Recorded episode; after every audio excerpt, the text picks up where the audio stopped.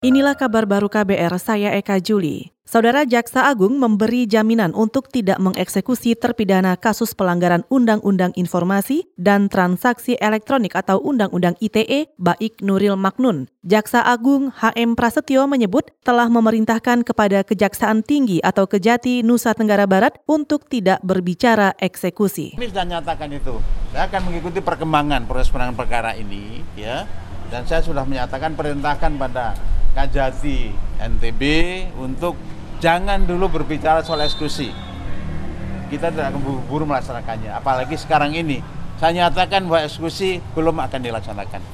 Ya, Jaksa Agung HM Prasetyo juga menambahkan, jika berbicara normatif, seorang jaksa wajib mengeksekusi putusan inkrah. Namun untuk kasus ini, kejaksaan harus melihat kepentingan lebih besar dan harus mendengarkan perasaan keadilan yang tumbuh di masyarakat. Jaksa Agung juga telah menerima 130-an surat permohonan penangguhan eksekusi Baik Nuril, mulai dari DPRD Kota, DPR Provinsi, dan lembaga. Penyerahan tersebut langsung oleh tim hukum Baik Nuril didampingi anggota DPR fraksi PDI Perjuangan Rike Diah Pitaloka.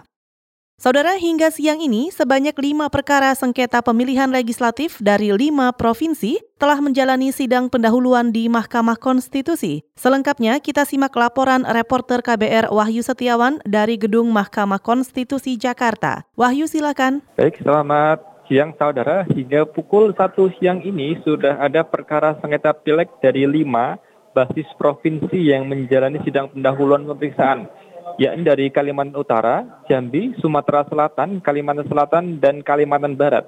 Ada berbagai macam dalil permohonan yang diajukan, seperti dari Jambi, pemohon dari Partai Kebangkitan Bangsa mendalilkan adanya pengurahan perolehan suara secara terencana, sistematis, sistematis dan masif dari tingkat TPS untuk suaranya di DPRD Kabupaten Tanjung Jabung. Lalu di Sumatera Selatan ada pemohon dari Partai Nasdem yang mendalilkan adanya penggelembungan suara yang terjadi pada 29 TPS di Kabupaten Empat Lawang.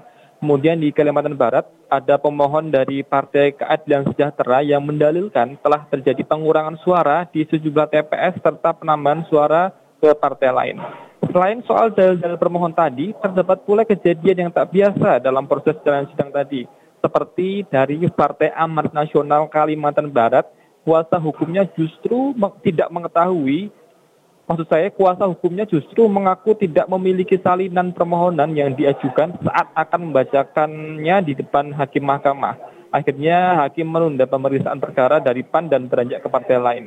Hari ini merupakan hari terakhir atau hari keempat digelarnya sidang pemeriksaan pendahuluan dari 59 perkara dari 11 basis provinsi. Demikian dari Gedung MK, Wahyu Setiawan melaporkan langsung untuk KPR.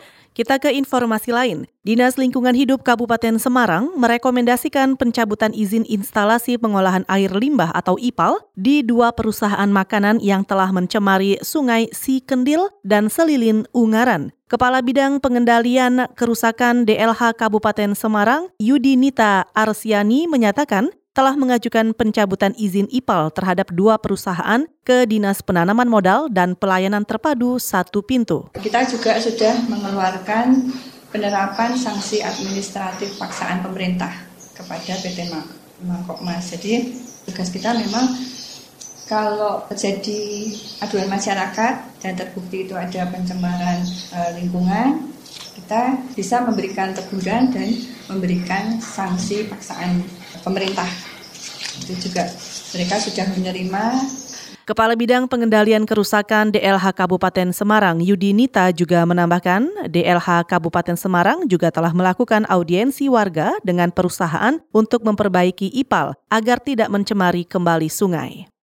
Saudara sebanyak 35 penumpang maskapai Air Canada mengalami luka-luka akibat turbulensi ketika pesawat sedang mengudara menuju Sydney, Australia, Jumat pagi waktu Indonesia. Melansir Reuters, maskapai Air Canada dengan nomor penerbangan AC-33 itu terpaksa melakukan pendaratan darurat di Bandar Udara Internasional di Honolulu, Hawaii. Air Canada tiba-tiba mengalami turbulensi yang tidak terduga ketika usai melewati Hawaii dan menyebabkan masker oksigen keluar dan banyak penumpang terluka akibat terbentur langit-langit pesawat. Air Canada membawa 269 penumpang dan 15 awak pesawat dan saat kejadian sedang mengudara di ketinggian 36.000 kaki dengan jarak kira-kira 600 mil dari wilayah barat daya Honolulu.